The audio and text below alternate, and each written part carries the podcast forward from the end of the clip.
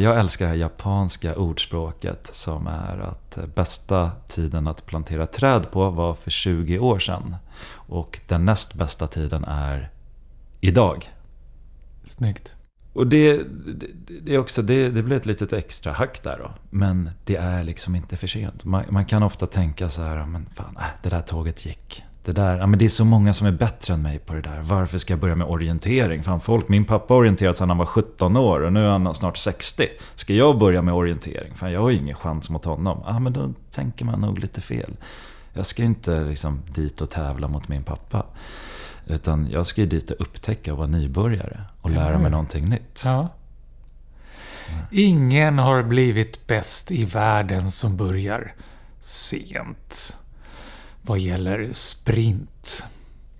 Till exempel. Är det så? Ja. Usain Bolt började tidigt. Mm. Ja, men någon måste ju vara den första. Det gäller ju precis allt i livet. Någon har alltid varit den första med att göra något.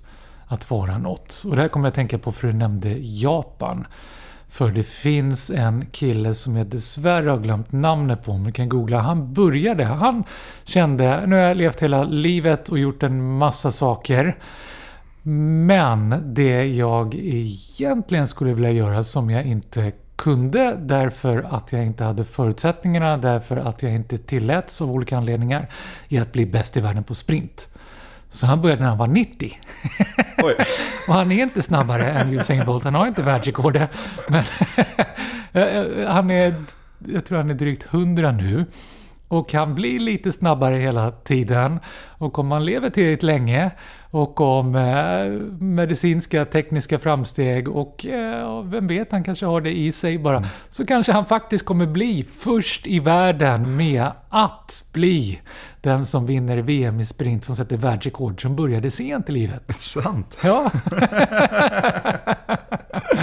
och om han inte gör det så spelar inte det så stor roll. För att jag tror att han har riktigt, riktigt vällans kul ja. nu på vägen dit. Ja, verkligen. Det kan jag nog lova dig. Och jag tror att han firar varenda liten, litet framsteg han har. Ja, kolla på YouTube. Det är leende på läpparna när han går i mål. Det kan jag tänka mig. Han gör alla rätt alltså. Han, han har lyssnat på Lifehacks.